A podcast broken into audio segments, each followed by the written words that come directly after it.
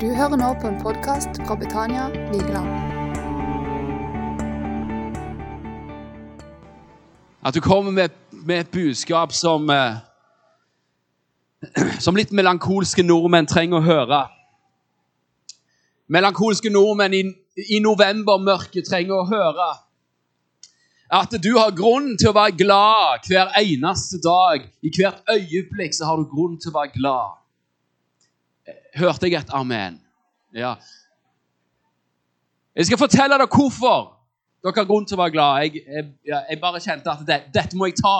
Dette må jeg ta nå. Det, jeg, ble, jeg, ble, gitt noe eh, når Dominic kom med den innledningen, så jeg er nødt til å ta nå.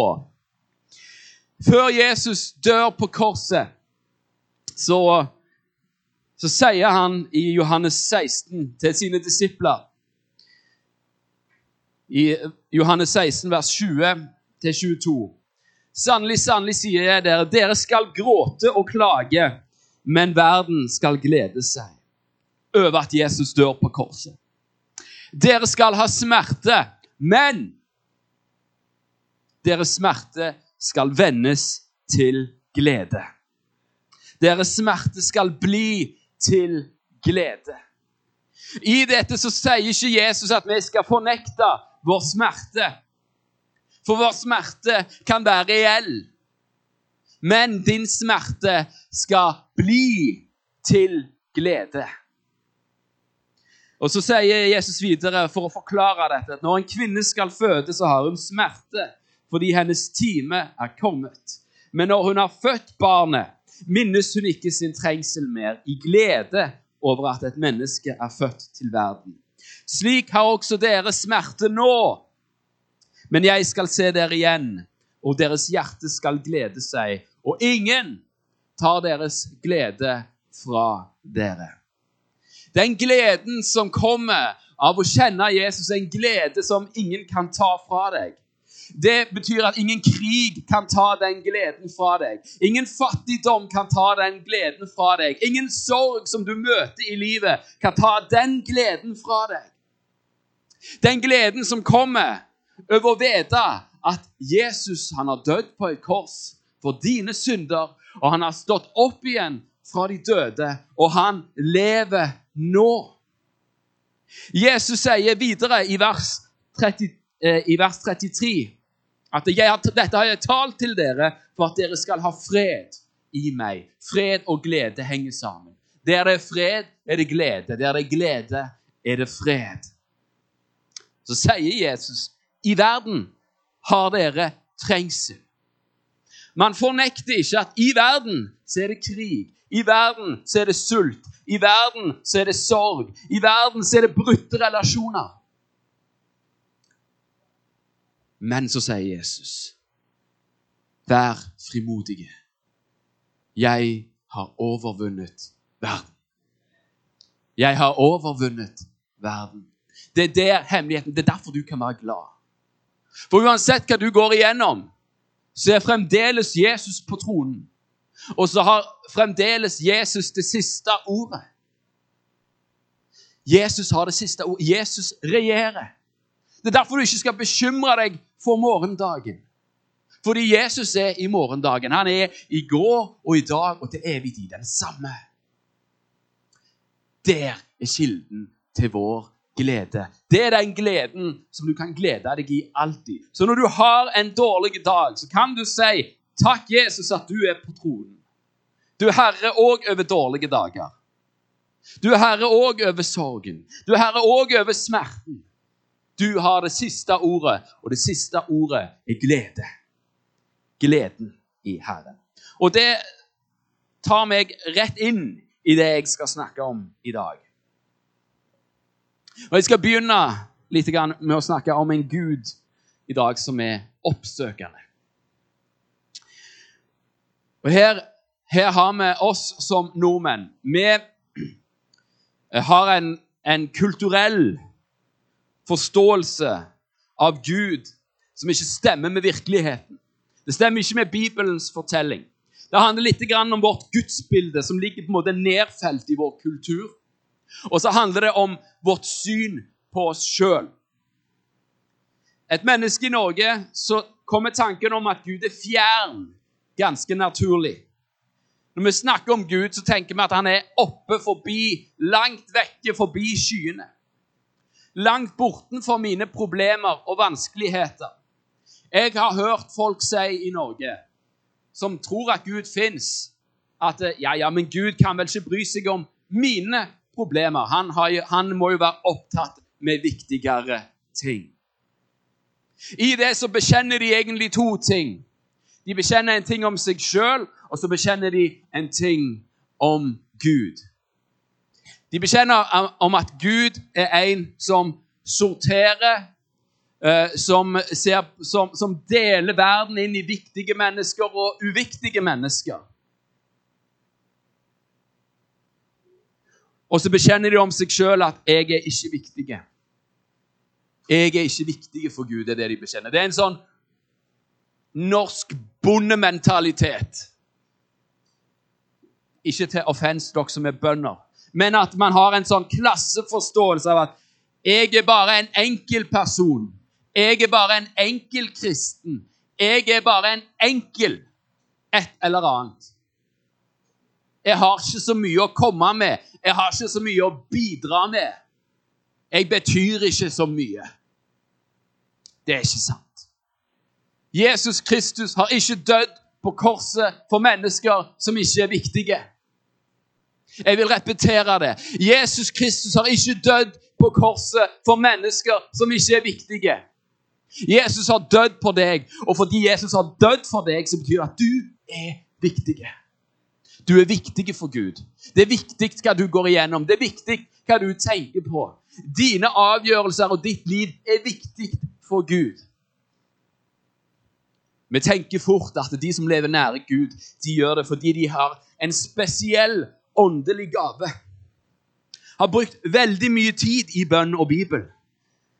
At de på den måten har gjort seg fortjent til å være i Guds nærvær. Ingen mennesker har gjort seg fortjent til å være i Guds nærvær. Vi har en idé om at vi må ta oss sammen. Skjerpe oss. Virkelig ta oss tid til å søke Gud for at han skal bry seg med å åpenbare seg for oss. Men så har du jo dårlig tid. Så har du familie og barn, og så er det mye på jobben, og så har du dårlige vaner. Og så lar vi være å søke Gud, så lar vi være å si 'Herre, kom og hjelp'.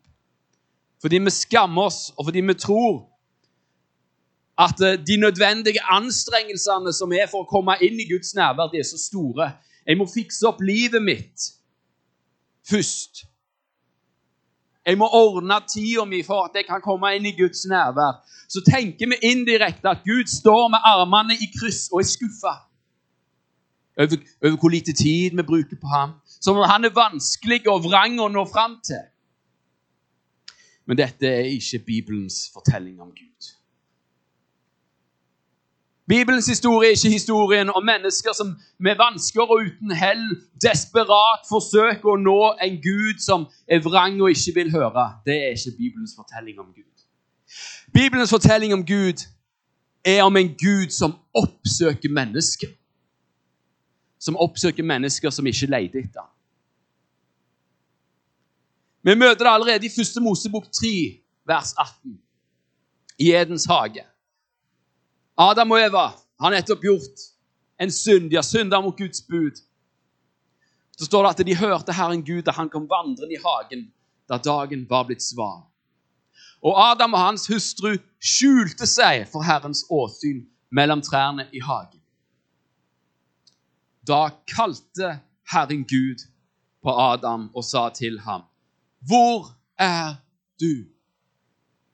Han svarte, 'Jeg hørte din røst i hagen, og da ble jeg redd, fordi jeg var naken, og jeg gjemte meg.' Mennesket har synda. Mennesket har feila. Gud vet det. Gud er allmektig. Han vet at Adam har, og Eva har feila idet han går inn i hagen. Han vet at de har synda. Men det er ikke Gud som rømmer fra mennesket. Det er mennesket som rømmer fra Gud.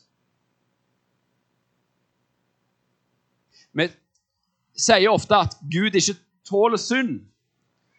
Og, og det er sant i den forståelsen av tåle som vi tolererer synd. Gud tolererer ikke synd. Men han, han, er ikke sånn at å, han, han blir han, tåler ikke å komme i nærheten av synd, for at da blir Gud skitten. Som om Gud står og ser på synd og tenker 'æsj'. Sånn er ikke Gud. Gud oppsøker synder. Fra første sekund. Han oppsøker. Nei, det er ikke det at Gud ikke kan være i nærheten av synd. Det er synd som ikke kan være i nærheten av Gud. Synden tåler ikke Guds nærvær. Derfor rømmer Adam. Men Gud etterjager Adam og spør, 'Hvor er du?' Det er synden og skammen som gjør at mennesket vender seg vekk fra Gud og ikke til Gud. Og så er det sånn at det er oss mennesker i vår naturlige i vår, i vår natur Vi er ikke egentlig så opptatt av å møte Gud, egentlig. Vi går ikke rundt og spør Gud, hvor er du hen? Gud, hvor er du hen? Vi er opptatt av helt andre ting. I eh, andre krønikebok så møter vi en konge i Juda som heter kong Asa. Eh, og han, eh, han er opptatt med de tingene som skjer i hans rike. Og han har et stort problem, kong Asa. Fordi Nordriket Israel har alliert seg med Syria for å angripe kong Asa. Og hva er det kong Asa da gjør? Jo, han er litt sånn fiks i diplomatiet. Og så får han kongen av um, Så kjøper han egentlig støtten til kongen i Syria til å bryte alliansen med Israel. Og så løser han dette på menneskelig vis. Men så sier, kommer en profet til han og sier hvorfor, hvorfor har du ikke sett etter meg? Hvorfor har du ikke spurt meg? Hvorfor har du ikke stolt på meg? Hvorfor har du stolt på ditt eget intellekt? Fra nå av kommer du alltid til å ha krig fordi du gjorde dette på din egen måte. Og så står det noe, så sier denne profeten noe om Guds natur. Om hvem Gud er. Han sier at for Herrens øyne farer over hele jorden, for kraftig å støtte dem som er helt med ham i sitt hjerte. Det er ikke sånn at du er på leiting etter Gud. Gud er på leiting etter deg. Gud er på leiting etter deg nå. Ikke for å straffe deg, men for kraftig å støtte deg. Når vi tenker på bibelhistorien, så tenker vi på alle de trosheltene fra Gamle testamentet. Abraham, Moses, Samuel, David. Ble de utvalgt fordi de var så de, sø, de søkte Gud så mye det var derfor de ble utvalgt. De hadde tatt seg så godt sammen. Nei, Moses han var jo eh, kasta ut av Egypt. Han levde i ørkenen. Han gjeta sauer. Han var ikke opptatt av å finne Gud. Han var opptatt av å finne sauer. Sammen med David. Passet på sauer. Han leita ikke etter Gud. Men Gud åpenbarte seg for Moses. Gud åpenbarte seg for Samuel. Gud åpenbarte seg for Abraham. Gud sa til Samuel David skal være konge. Det er Gud som er initiativtakeren. En av de mest eh, fantastiske salmene som, jeg, eh, som, er i Bibelen, er, er Salme 119. Det er den lengste salmen i Bibelen. Og det er en salme som er dedikert til ordet den er dedikert til, til å, å, feire Guds ord. Og hele salmen som handler om jeg grunner på ditt ord, jeg grunner på dine lover. Jeg har ikke glemt ditt bud, jeg har ikke glemt dine lover. Gjennom hele salmen så er det en hyllest til Gud, og det er en hyllest til det å søke Gud. Og helt på slutten, helt på slutten, det siste linja i denne salmen, Salme 119, vers 176 så står det 'Jeg har fart vill'. oppsøk din tjener som er tapt får. For jeg har ikke glemt dine bud. Nei, jeg har ikke glemt dine bud, Herre. Jeg vet hvor du er, men jeg har fart vill. Og jeg klarer ikke å finne deg med å søke deg. Jeg trenger at du oppsøker meg som et tapt får. Og Gud svarer på den bønnen. Vi skal snart inn i adventstid, som er, eh, som er på en måte starten på feiringen av at Gud blir menneske. Når Gud blir menneske i Jesus Kristus, så er det Det er selve stempelet på at Gud er den oppsøkende part mellom Gud og mennesker. Det det er Jesus som oppsøker mennesker. Gud oppsøker mennesker med å bli et menneske i Jesus. Og Jesus sjøl viser gjennom sitt liv og sine lignelser at det er sånn Gud er.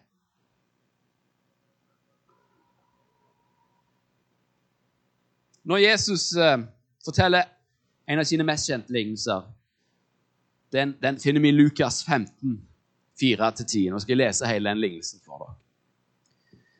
Om noen av dere har 100 sauer og mister en av dem, vil han da ikke forlate de 99 i ødemarken og gå av sted og lete etter den som er kommet bort, til han finner den?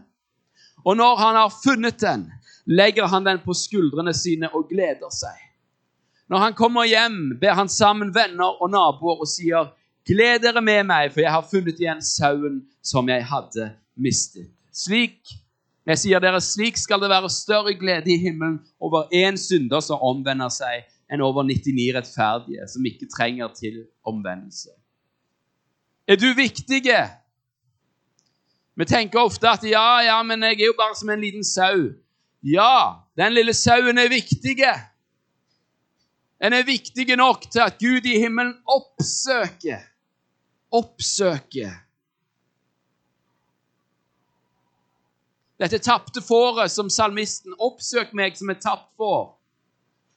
Og så sier Gud, 'Ja, jeg oppsøker. Jeg oppsøker deg som et tapt får.' Videre så, for å poengtere, så forteller Jesus en lignende lignelse, som handler om sølvpengen som var funnet, eller som var mista. Ta neste. Eller om en kvinne har ti sølvpenger og mister en av dem. Tenner hun ikke da et lys og feier huset og leter nøye til hun finner den? Og når hun har funnet den, ber hun sammen venninner og naboer og sier, 'Gled dere med meg, for jeg har funnet igjen sølvpengen som jeg hadde mistet.' På samme måte sier jeg dere, blir det, blir det glede blant Guds engler over én synder som omvender seg. En sølvpenge hadde stor verdi. Jeg sier det igjen, Vigeland. En sølvpenge har stor verdi. Du har stor verdi. Ellers hadde ikke Gud blitt menneske for å frelse deg. Men han frelser deg, og han oppsøkte deg, og han ønsker å frelse deg fordi du har stor verdi. Og Jeg vet ikke hva du tenker om deg sjøl denne morgenen, men du har stor verdi. Gud oppsøker mennesker. Jesus oppsøkte mennesker. Det var Jesus som oppsøkte disiplene, ikke motsatt. Det var ikke de som oppsøkte han. Disiplene satt og fiska. Eller de satt på tollboden. Og så kommer Jesus og sier, 'Følg meg'. Blant kriminelle så er det ikke så uvanlig å høre at uh, det var ikke det var ikke, det var ikke Det var ikke jeg som fant kriminaliteten, det var kriminaliteten som fant meg, sier noen kriminelle. Og bruker kanskje dette som en unnskyldning eller en forklaring på hvordan de ble kriminelle. Men det samme er virkelig sant andre veien. Det er ikke jeg som fant Jesus, det var Jesus som fant meg.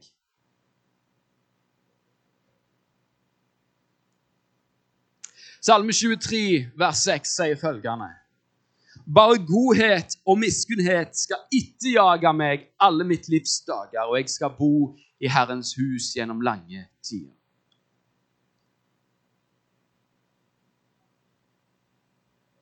Godhet og miskunnhet skal etterjage meg, skal, skal jakte på meg. Gud jakter på deg med sin godhet og sin miskunnhet.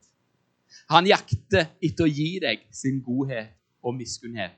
Ja, Er Gud ute etter å ta meg? Ja, han er ute etter å ta deg. Men ikke for å straffe deg, men for å vise sin godhet og sin miskunnhet.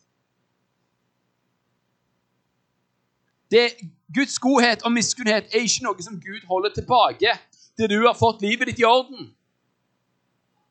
Det er noe som er aktivt oppsøkende. Det etterjager deg.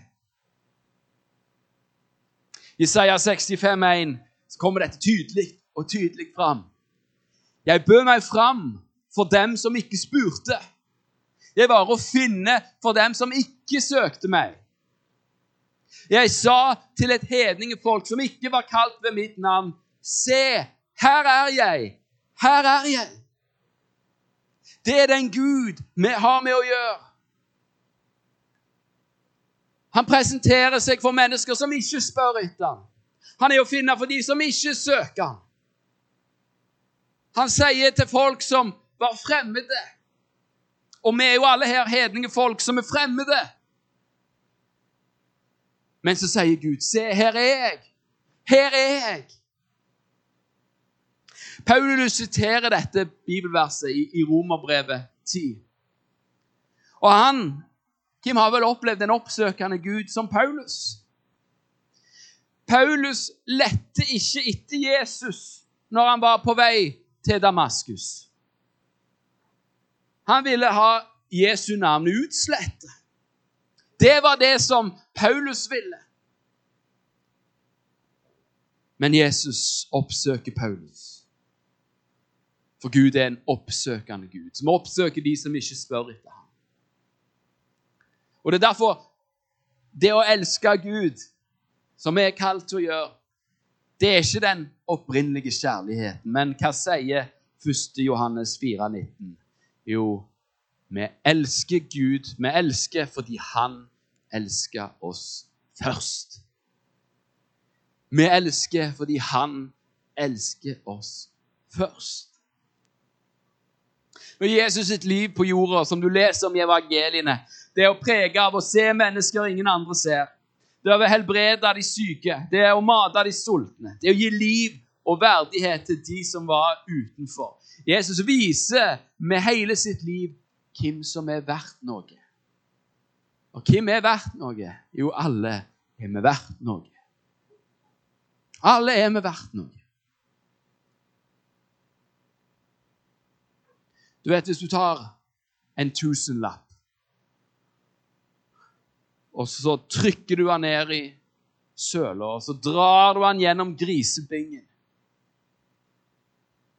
Og så er han skitten og fæl. Og så tar du han opp, og han lukter dårlig. Men hvor mye er den tusenlappen verdt?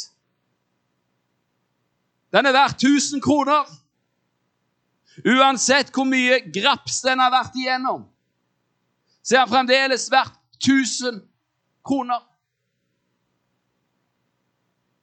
Du er skapt i Guds bilde.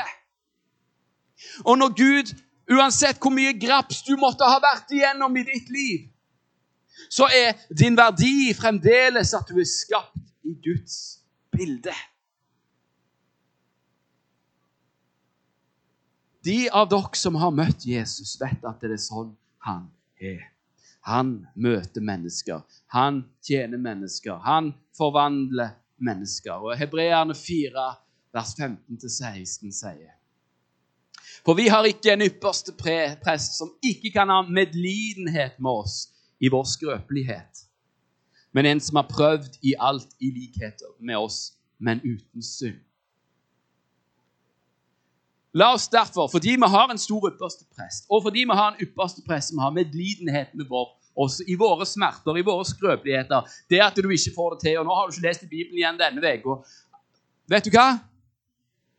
Du kan med frimodighet tre fram for nådens trone. For at du kan få miskunn og finne nåde til hjelp i rette tid. Jesus han har gjort det. Han har gjort det ferdig.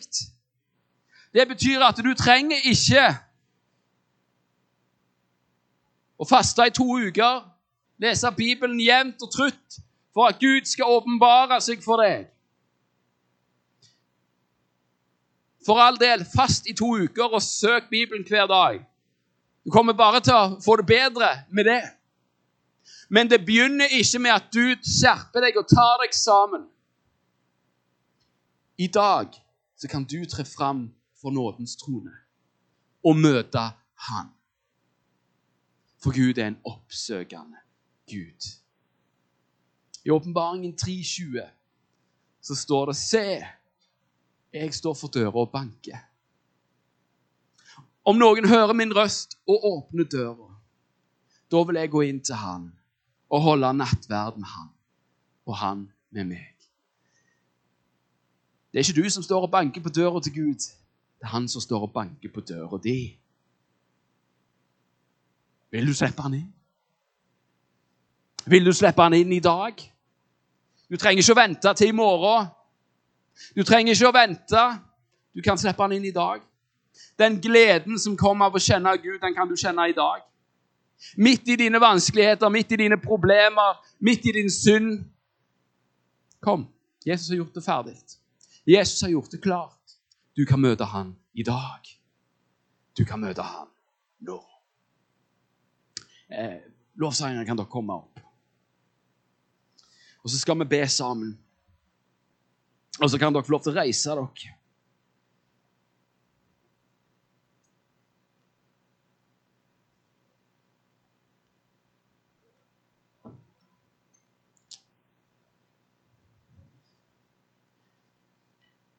Jeg vet ikke hvor du har vært denne uka. Jeg vet ikke hva du går igjennom i ditt liv. Noen av dere har det egentlig helt greit. Noen av dere har det vanskelig. Noen av dere har tunge byrder å bære. Vanskelige utfordringer i, i jobb og familie. Mange av dere bærer på sorg. Noen kjenner kanskje òg på, på glede. Vi er forskjellige. Men nå, akkurat her og nå, så er Gud tilgjengelig for deg. Akkurat nå kan du få kjenne den gleden som Dominic snakket om. Ikke fordi du fortjener det, men fordi han har gjort det klart for deg. Han, han dekker bord for deg midt foran dine fienders øyne. Midt i dine problemer og vanskeligheter, midt i din storm. Så, så sier Gud, 'Jeg er her. Jeg er her. Jeg er her for å se deg. Jeg er her for å ta meg av deg. Jeg er her for å møte deg, og for at du skal vite at jeg elsker deg. Du er viktig for meg.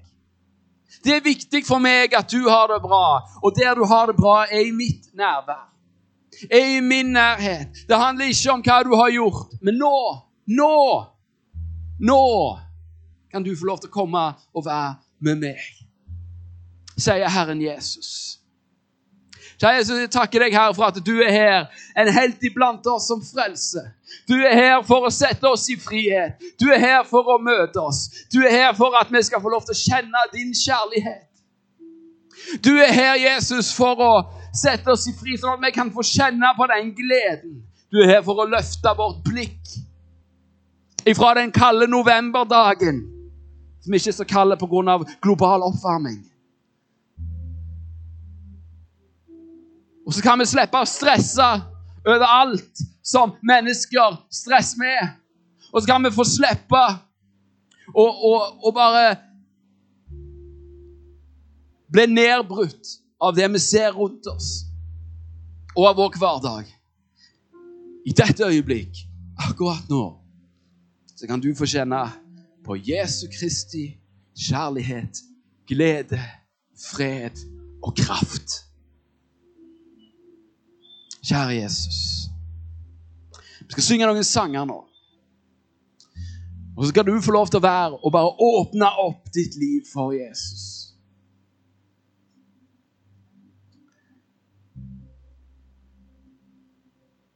Og så skal vi få lov til å kjenne at han er midt iblant oss, en helt som frelse. Så er dette bønnerom der inne hvis du kjenner at du trenger noen å snakke med, du trenger noen å be med du trenger noen å, å lette denne byrden med, så, så skal du få lov til å, å, gå inn der. Og jeg kommer til å være der inne òg etter hvert og, og be med mennesker. Men nå skal vi ta noen minutter her, og så skal vi synge sammen. Og så skal Gud få lov til å bevege seg i benkeradene. Og så skal du få lov til å, å få kjenne at han lever. Og da åpner vi opp rommet. Og hvis noen som får et budskap fra Gud, så åpner vi opp for det òg. Om du har eh, et bilde eller en, en, en, profeti eller en tunge, så åpner vi opp for det nå. Så tar vi først en sang, og så åpner vi opp rommet.